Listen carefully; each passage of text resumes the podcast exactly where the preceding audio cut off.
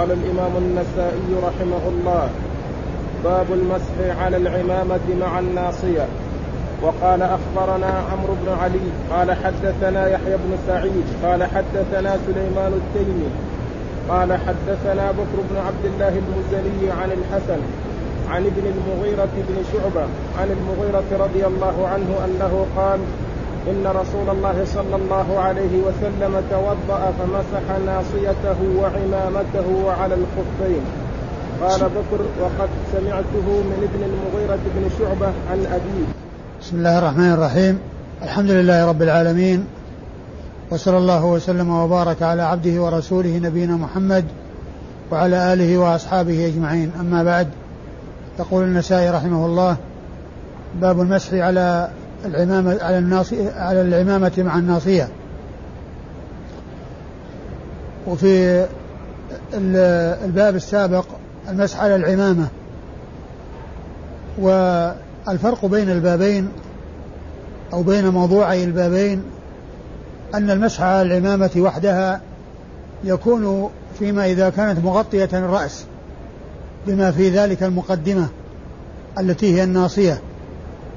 أما إذا كانت العمامة ليست ساترة لمقدم الرأس الذي هو الناصية وإنما قد بدا شيء من الرأس فإنه يمسح على الناصية المكشوفة وعلى العمامة يعني يجمع بينهما لأن جزءا من الرأس وهو مقدمه الذي هو الناصية مكشوف وما وراء الناصية مغطى فإذا كانت العمامة بها على هذا النحو وعلى هذا المنوال فإن المسح يكون على العمامة مع الناصية يعني يجمع بينهما المكشوف من الرأس والمغطى من الرأس بالعمامة. وأما ما يتع... المسح على العمامة وحدها فهذا فيما إذا كانت المغطى كانت العمامة مستوعبة للرأس ومغطى والرأس مغطى كله بالعمامة.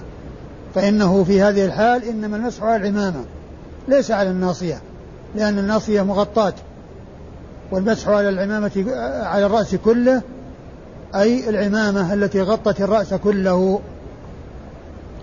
وقد أورد النسائي رحمه الله في هذه الترجمة حديث المغيرة بن شعبة رضي الله تعالى عنه أنه رأى النبي عليه الصلاة والسلام توضأ ومسح على الناصية والعمامة وعلى خفيه. يعني فيكون جمع بين المسح على الناصية لأنه قد كشف شيء من مقدم الرأس وعلى العمامة التي غطت ما وراء الناصية وما بعد الناصية. هذا هو الذي يدل عليه الحديث. وكما أشرت آه المسح يكون على العمامة كل على العمامة وحدها إذا كان الرأس كله مغطى بها. ولم تكن الناصية مكشوفة. أما إذا كانت الناصية مكشوفة والعمامة لا تغطي الرأس كله وإنما تغطي ما وراء ما وراء الناصية فإنه في هذه الحالة يكون المسح على الناصية والعمامة. وقد عرفنا فيما مضى أن العمامة التي يمسح عليها هي المحكمة المشدودة التي يصعب نزعها والتي يشق نزعها والتي هي معروف آه، عند العرب والتي آه، استعملها رسول الله عليه الصلاة والسلام تكون تحت تحت الحلق. أما إسناد الحديث فيقول النسائي أخبرنا أخبرنا عمرو بن علي وعمرو بن علي هو الفلاس الذي سبق أن مر ذكره كثيرا في هذه السنن سنن النسائي. هو من الشيوخ الذين أكثر عنهم. وكثيرا ما يأتي تأتي الرواية عن عمرو بن علي كما أنه كثيرا ما تأتي عن قتيبة بن سعيد. فقتيبة بن سعيد روى عنه النسائي كثيرا وعمرو بن علي الفلاس روى عنه النسائي كثيرا. وعمرو بن علي الفلاس سبق أن ذكرنا فيما مضى أنه ثقة حافظ وأنه من أئمة الجرح والتعديل. الذين كثر كلامهم في الرجال آه، جرحا وتعديلا. وهو ممن خرج حديثه حديثه أصحاب الكتب الستة. بل إن إنه شيخ لأصحاب الكتب الستة. كلهم رووا عنه مباشرة. كلهم رووا عنه مباشرة. البخاري ومسلم وأبو داود والترمذي والنسائي وابن ماجه كل هؤلاء الستة آه رووا عنه مباشرة فهو شيخ لهم. فهو من شيوخهم. وعمرو بن علي الفلاس يروي عن يحيى بن سعيد وهو القطان. يحيى بن سعيد القطان الإمام المشهور المحدث الناقد الذي هو من أئمة الجرح والتعديل. من أئمة الجرح والتعديل. وهو مكثر من الرواية. وهو ثقة حافظ متقن. وهو من ممن روى له أصحاب الكتب الستة. أصحاب الكتب الستة خرجوا حديثه. حديثه عند أصحاب الكتب الستة. يحيى بن سعيد القطان. فإذا كل من عمرو بن يحيى عمرو بن, عمرو بن علي الفلاس ويحيى بن سعيد القطان كل منهما إمام من أئمة الجرح والتعديل. هما إمامان من أئمة الجرح والتعديل. يروي عن سليمان التيمي وسليمان التيمي يأتي ذكره لأول مرة وهو أبو المعتمر الذي سبق أن مر ذكره المعتمر بن, المعتمر بن سليمان التيمي. ابنه المعتمر من من من المحدثين ومن المعروفين برواية الحديث. وسليمان التيمي هو سليمان بن طرخان. سليمان بن طرخان التيمي وهو من الثقات الحفاظ وهو يقال له التيمي وليس من من التيميين وإنما نزل فيهم فنسب إليهم. نزل فيهم فنسب إليهم وهو ليس من أصلهم وليس منهم وإنما أضيف إليهم ونسب إليهم لأنه نزل فيهم. وهو ثقة حافظ خرج حديثه أصحاب الكتب الستة وهو أبو المعتمر الذي سبق أن مر بنا ذكره. وأبوه هذا اللي هو سليمان آه، حديثه عند أصحاب الكتب الستة. عن بكر؟ نعم. نعم. ثم سليمان التيمي يروي عن بكر بن عبد الله المزني.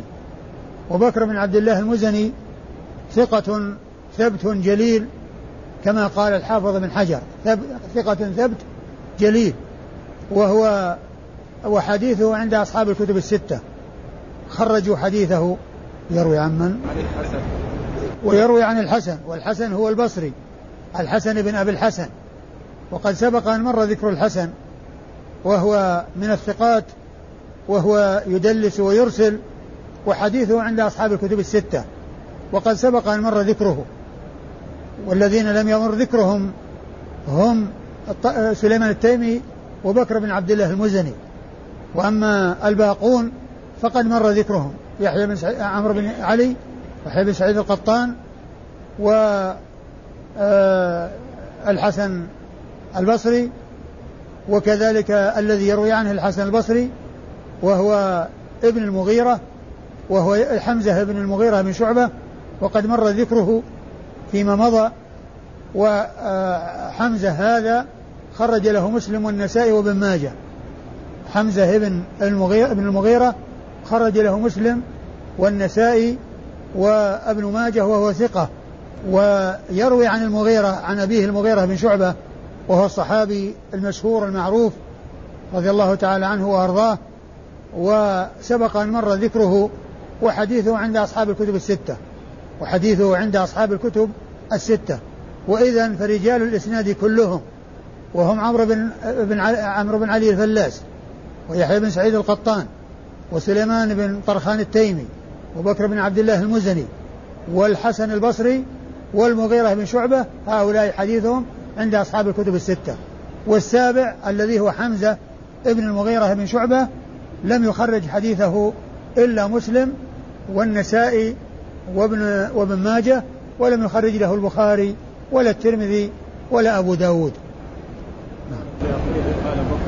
ثم قال في آخره قال بكر وقد سمعته من. من, من ابن المغيرة عن أبيه. يعني أن هذا الذي رواه بواسطة رواه عن ابن المغيرة بواسطة رواه عن عنه بلا واسطة. رواه عنه بلا واسطة. يعني الطريقة الأولى التي ساقها المصنف فيها بي آه، يرويه عن ابن عن عن ابن المغيرة بواسطة الحسن البصري. والطريقة التي أشار إليها وهي التي أيضا ذكرها في الإسناد الذي بعد هذا آه، يروي مباشرة عن ابن المغيرة. يروي مباشرة عن ابن المغيرة. وعرفنا فيما مضى أن الراوي قد يروي الحديث بواسطة ويرويه عن الشخص الذي رواه عنه بواسطة بدون واسطة وذلك لأنه يكون لم يلقى العالي فيرويه عن عنه بواسطة. فإذا لقيه رواه عنه مباشرة فيكون رواه على الحالين. رواه بالواسطة ورواه بغير الواسطة. يكون رواه بالواسطة ورواه بغير الواسطة. وهذا لا تعل به الأحاديث. لا تعل الأحاديث بمثل هذا لأن هذا شيء معروف ومشهور وهو أن الراوي آه، يجد الحديث عن شخص بإسناد نازل ثم يجد آه الذي روى عنه من روى عنه فيروي عنه مباشرة فتكون روايته عنه بواسطة في حال يعني قبل أن يحصله عاليا وروايته له عاليا في في حال كونه حصله عاليا في آخر الأمر. فيكون رواه على الحالين في بإسناد نازل وبإسناد عالي. بإسناد فيه واسطة بينه وبين آه، يعني بين من هو أعلى من من روى عنه وروايته آه، عنه بدون واسطة. وبكر بن عبد الله المزني روى الحديث عن الحسن عن ابن المغيرة وقد سمعه من المغيرة آه، من من ابن المغيرة عن المغيرة. فتكون للطريقة الثانية عالي والطريقة الثانية نازلة. نعم. قال أخبرنا عمرو بن علي وحميد بن مسعدة عن يزيد وهو ابن الزريع قال حدثنا حميد قال حدثنا بكر بن عبد الله المزني عن حمزة بن المغيرة بن شعبة عن أبيه رضي الله عنه أنه قال تخلف رسول الله صلى الله عليه وسلم فتخلفت معه فلما قضى حاجته قال أمعك ماء فأتيته بمقشرة فغسل يديه وغسل وجهه ثم ذهب يحفر عن ذراعيه فضاق كم الجبة فألقاه على منكبيه فغسل ذراعيه ومسح بناصيته وعلى العمامة وعلى خفيه.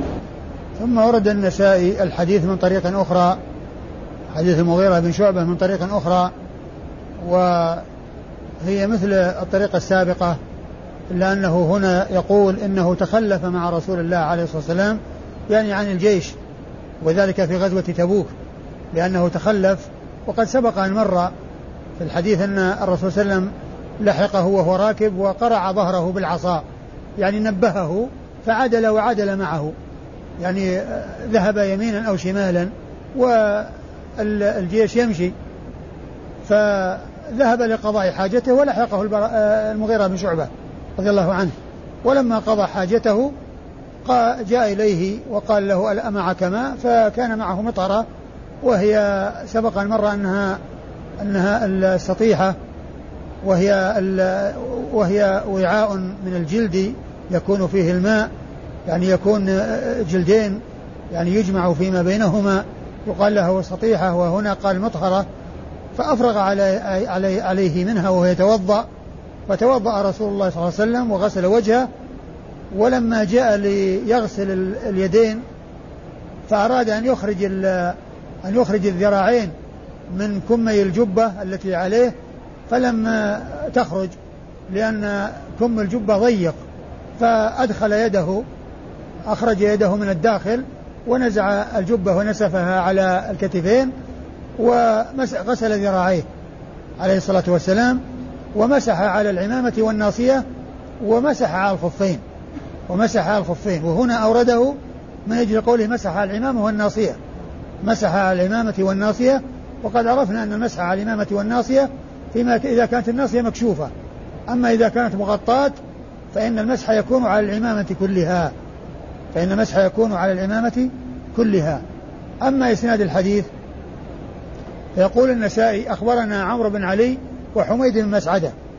وشيخ النسائي في الإسناد الأول هو هو عمرو بن علي. فهنا ذكره أيضا مرة أخرى وذكر معه أيضا حميد بن مسعدة. وعمرو بن علي عرفناه في سابقا وفي الإسناد الأول. أما حميد بن مسعدة فقد تكرر أيضا في بعض الأسانيد السابقة وهو آه، آه، وهو ثقة آه، وهو صدوق خرج حديثه مسلم وأصحاب السنن الأربعة. وهو صدوق خرج حديثه مسلم وأصحاب السنن الأربعة. يروي يرويان عن من؟ وكل من عمرو بن بن علي الفلاس وحميد بن مسعدة يرويان عن يزيد بن زريع. وهنا قال في الإسناد وهو بن زريع لأن الراويين عنه أو الراوي عنه قال آه، يزيد ولم ينسبه فالذي هو دون الراوي أو دون التلميذ إذا أراد أن يضيف شيئا يوضح به ذلك الرجل الذي لم ينسب فإنه يأتي بكلمة هو أو بكلمة يعني أو هو آه، فيقول هو فلان أو يعني ابن فلان أو يعني ابن فلان. أو يعني الفلاني أو ما إلى ذلك. وهنا قال هو ابن زريع. فكلمة هو استفدنا دلتنا على أن الذي قالها هم من دون التلميذ. من دون التلميذ إما النسائي وإما من دون النسائي. وأما التلميذ فلا يحتاج أن نقول هو وإنما ينسبه كما يريد. ويأتي بنسبه وكنيته ولقبه على أي حالة يريد لأن الكلام كلامه. أما إذا قال كلاما هو ووقف عنده ثم جاء من دونه لو أضاف شيئا من النسب لظن أنه من كلام تلميذه مع أن تلميذه ما نسب هذا النسب الطويل وإنما أتى ب آه، باسمه فقط. أتى باسمه فقط هنا يزيد. فمن دون فمن دون الراويين عن آه، عن عن عن عن يزيد آه، من دونهم هو الذي قال هو ابن فلان هو ابن زريع. ويزيد بن زريع ثقة خرج حديثه أصحاب الكتب الستة وقد سبق أن مر ذكره وقد سبق أن مر ذكره في الأحاديث الماضية. عن من؟ حدثنا حدثنا حميد. وحميد هو الطويل. حميد بن أبي حميد الطويل. ويأتي ذكره لأول مرة. يأتي ذكره في الأسانيد. لأول مرة وهو ثقة يدلس وخرج حديثه أصحاب الكتب الستة.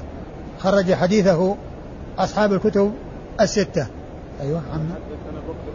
قال حدثنا بكر وهنا هو يدلس وقد صرح بالتحديث لأنه قال حدثنا. والمدلس إذا صرح بالتحديث فإنه لا أثر لتدليسه وإنما التدليس آه، يخشى فيما إذا جاءت عن أو قال التي هي تحتمل الاتصال وتحتمل أن يكون بينه وبينه واسطة. تحتمل الاتصال وتحتمل أن يكون بينه وبينه واسطة. أما إذا صرح بالتحديث كما هنا فإن الأمر لا إشكال فيه ولا خفاء فيه. عن ثم حدثنا بكر بن عبد الله الذي مر في الإسناد السابق الذي قبل هذا عن حمزة وهنا سمى ابن ابن ابن المغيرة لأن في الإسناد الأول قال ابن المغيرة وهنا قال حمزة بن المغيرة فسمي في هذا الإسناد و يعني هذا الإسناد متفق مع ما, ما ذكر في آخر الإسناد في آخر بعد الحديث السابق أن حم أن بكر بن عبد الله سمع من ابن المغيرة لأنه هنا يروي عن ابن المغيرة يعني ما بينه وبينه واسطة ليس بينه وبينه واسطة وإنما يروي عنه مباشرة. فالإسناد الأول نازل لأن فيه واسطة فيه زيادة رجل. يعني بين بين بكر وبين حمزة بن المغيرة. وهنا آه، ليس بينه وبينه واسطة. فصار الإسناد عاليا لأنها قلت الوسائط فيه. وحمزة بن المغيرة هو الذي آه، مر في الإسناد السابق. ومر في الأسانيد الماضية أيضا وذكرت أنهم رجال مسلم والنسائي وابن ماجه والمغيرة كذلك مر في في الحديث الماضي وفي وفي أحاديث ماضية أيضا. نعم بعد. قال باب كيف المسح على العمامة. وقال أخبرنا يعقوب بن إبراهيم قال حدثنا هشيم قال حدثنا يونس بن عبيد عن ابن سيرين قال أخبرني عمرو بن وهب الثقفي قال سمعت المغيرة بن شعبة رضي الله عنه قال خصلتان لا أسأل عنهما أحدا بعد ما شهدت من رسول الله صلى الله عليه وسلم. قال كنا معه في سفر فبرز لحاجته ثم جاء فتوضأ ومسح بناصيته وجانبي عمامته ومسح على خفيه. قال وصلاة الإمام خلف الرجل من رعيته. فشهدت من رسول الله صلى الله عليه وسلم أنه كان في سفر فحضرت الصلاة فاحتبس عليهم النبي صلى الله عليه وسلم فأقاموا الصلاة وقدموا ابن عوف فصلى بهم.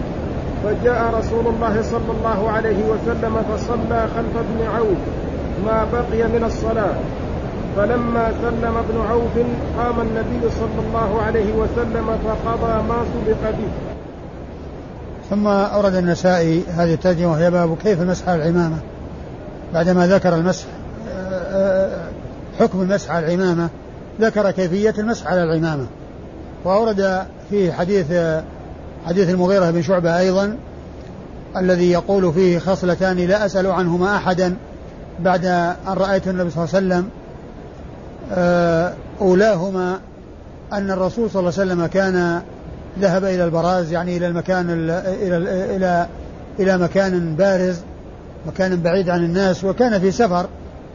فذهب إلى البراز يعني ترك الجيش وذهب إلى جهة بعيدة عنهم وقضى حاجته ثم مسح على العمامة على على الناصية وجانبي العمامة على الناصية وجانبي العمامة ومعنى ذلك أنه مسح على الناصية وجانبي العمامة وعلى الخفين والخصلة الثانية آه، آه، صلاة آه، صلاة صلاة الإمام خلف أحد من الرعية وذلك أن النبي عليه الصلاة والسلام لما كان في. لما كان متخلفا ومعه المغيرة بن شعبة ليقضي حاجته حانت الصلاة وتأخر عليهم الرسول صلى الله عليه وسلم فقدموا عبد الرحمن بن عوف ليصلي بهم فصلى بهم ركعة من صلاة الفجر ثم إن النبي عليه الصلاة والسلام لحق بهم فسبق أن مر أن المغيرة بن شعبة أراد أن يؤذن عبد الرحمن بن عوف وأن يخبره بمجيء الرسول صلى الله عليه وسلم فأمره النبي صلى الله عليه وسلم أن يدعه وقال دعه يعني يكمل الصلاة ثم صلى وراءه النبي عليه الصلاة والسلام ركعة التي بقيت من الصلاة ولما سلم عبد الرحمن بن عوف من الصلاة قام النبي عليه الصلاة والسلام ومعه المغيرة بن شعبة وأديا وأتيا أو قضيا الصلاة الركعة التي سبق بها. فالمغيرة بن شعبة يقول خصلتان لا أسأل عنهما أحدا وقد يعني وجدت آه، ما يشفي ويكفي فيهما عن رسول الله عليه الصلاة والسلام.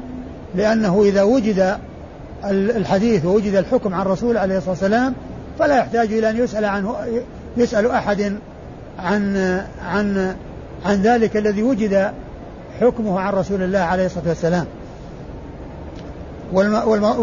ومحل الشاهد هو ما في الخصلة الأولى من أنه مسح على الناصية وجانبي العمامة. يعني معناه أنه يمسح على الرأس كله الناصية وجانبي العمامة لأن الجانبين كما هو معلوم آه يعني آه كون كون اليد تأتي على الرأس من الجانبين يعني معناه أنها استوعبت استوعبت الرأس. يعني وظاهر آه وظاهر ما جاء في الحديث هنا أن المسح أن أن المسح مرة واحدة. أن المسح إنما هو مرة واحدة. مسح على الناصية وعلى جانبي العمامة. ومن المعلوم أن جانبي العمامة اليمين والشمال فإذا ذهبت اليدان من الناصية إلى الخلف فإنها تكون على جانبي العمامة وأطراف الأصابع آه، آه، آه، هي متلاقية على الوسط فيكون المسح على الرأس كله على الناصية التي هي مقدم الرأس وعلى العمامة التي هي مغطية ما وراء الناصية. أما إسناد الحديث فيقول النسائي أخبرنا يعقوب بن إبراهيم ويعقوب بن إبراهيم هو الدورقي الذي سبق أن مر ذكره مرارا وذكرت فيما مضى أنه ثقة وأنه من رجال الجماعة بل إنه شيخ لأصحاب الكتب الستة شيخ لأصحاب الكتب الستة كلهم رووا عنه مباشرة. كلهم رووا عنه مباشرة. يعني مثل ما حصل بالنسبة لعمرو بن علي الفلاس الذي أشرت إليه آنفا حصل بالنسبة ليعقوب بن إبراهيم الدورقي الذي سبق أن مر ذكره مرارا فهو شيخ لأصحاب الكتب الستة. كلهم رووا عنه مباشرة وهو من الثقات الحفاظ عن حدثنا هشيم. وهشيم يأتي ذكره لأول مرة وهو هشيم بن بشير الواسطي. هشيم ابن بشير الواسطي أبو معاوية وهو ثقة آه، حافظ ولكنه كثير التدليس والإرسال ولكنه كثير التدليس والإرسال الخفي. والتدليس آه، معناه كما ذكرنا فيما مضى كون الراوي يروي عمن لقيه يروي عمن لقيه ما لم يسمعه منه بلفظ موهم السماع كعن أو قال. أما إذا أتى بسمعت أو حدثنا أو أخبرنا أو أنبأنا فإن هذا لا تدليس معه وإنما التدليس فيما إذا جاءت عن أو قال. هذا هو التدليس يروي عمن لقيه ما لم يسمعه منه بلفظ موهم السماع كعن أو قال. هذا هو التدليس أما الإرسال الخفي فهي فهو أن يروي عن من عاصره ولم يعرف أنه لقيه. ولم يعرف أنه لقيه. هذا هو. الإرسال الخفي. سمي خفيا لأن الشخص معاصر لمن أرسل عنه. لمن أرسل إليه أرسل عنه معاصر له. أما إذا كان أرسل عن إنسان ما عاصره ولا أدرك عصره فهذا إرسال واضح ليس بخفي. إرسال واضح كونه يروي عن إنسان بينه وبينه يعني عشرات السنين توفي قبل أن يولد توفي قبل أن يولد هذا غير معاصر له. كونه يرسل معناه الأمر واضح أنه مرسل. أما إذا كان عاصره ولم يعرف أنه لقيه فهذا يسمونه المرسل الخفي. فالفرق بين التدليس والإرسال أن التدليس يختص بمن عرف عن من بمن روى عن من عرف لقاؤه إياه. يعني بلفظ موهم السماع كعن أو قال ما لم يسمعه منه. أما المرسل الخفي فهو يكون في حق من عاصره ولم يعرف أنه لقيه. فهو شيم بن بشير الواسطي هو كثير التدليس والإرسال الخفي كثير التدليس والإرسال الخفي وهو ثقة حافظ وحديثه عند أصحاب الكتب الستة. وحديثه عند أصحاب الكتب الستة. قال حدثنا يونس بن عبيد. قال حدثنا يونس بن عبيد. ويونس بن عبيد هذا هو ابن دينار البصري. هو ابن دينار البصري وهو ثقة خرج حديثه أصحاب الكتب الستة. وهو ثقة خرج حديثه أصحاب الكتب الستة. يونس بن عبيد الثقفي يونس يونس بن عبيد بن دينار البصري. إيش بعد؟ عن ابن سيرين. عن ابن سيرين وابن سيرين محمد ومحمد بن سيرين الإمام المشهور الذي سبق أن مر ذكره مرارا وهو آه ثقة من رجال الجماعة. خرج حديثه أصحاب الكتب الستة. عن عمرو بن وهب. قال أخبرني عمرو بن أخبرني عمرو بن وهب الثقفي. وعمرو بن وهب بن وهب الثقفي هذا هو ثقة خرج حديثه البخاري في القراءة خلف الإمام وخرج حديثه النسائي. وهذا الرجل الذي هو عمرو بن بن وهب الثقفي هو الرجل المبهم الذي سبق أن مر بنا ذكره في الحديث رقم 82 الذي قال فيه وعن سيرين وعن ابن سيرين عن رجل وذكرت فيما مضى أن الرجل المبهم هو عمرو بن وهب الثقفي. فهنا في هذا الحديث أو في هذا الإسناد جاءت تسمية ذلك الرجل المبهم هناك والذي روى عنه محمد بن سيرين فقال هنا أخبرني عمرو بن وهب الثقفي. وعمرو بن وهب الثقفي يروي عن المغيرة بن شعبة. فإذا ذاك الإسناد الذي سبق أن مر في رقم 82 في الحديث رقم 82 والذي قال فيه وعن محمد بن سيرين عن رجل حتى رد ذلك إلى المغيرة بن شعبة. ذلك الرجل المبهم هو عمرو بن وهب هذا وقد جاء التصريح به في هذا الإسناد الذي معنا. فإذا هذا الذي معنا في هذا الإسناد يوضح ذاك الرجل المبهم الذي في الإسناد الذي لم يسمى هناك قد سمي هنا. قد سمي هنا وهو, وهو عمرو بن وهب الثقفي وحديثه عند النسائي كما هنا وأيضا عند البخاري في جزء القراءة خلف الإمام. وعمرو بن وهب يروي عن مغيرة بن شعبة وقد مر ذكر مغيرة بن شعبة رضي الله تعالى عنه والله أعلم وصلى الله وسلم وبارك على عبده ورسوله نبينا محمد وعلى آله وأصحابه أجمعين.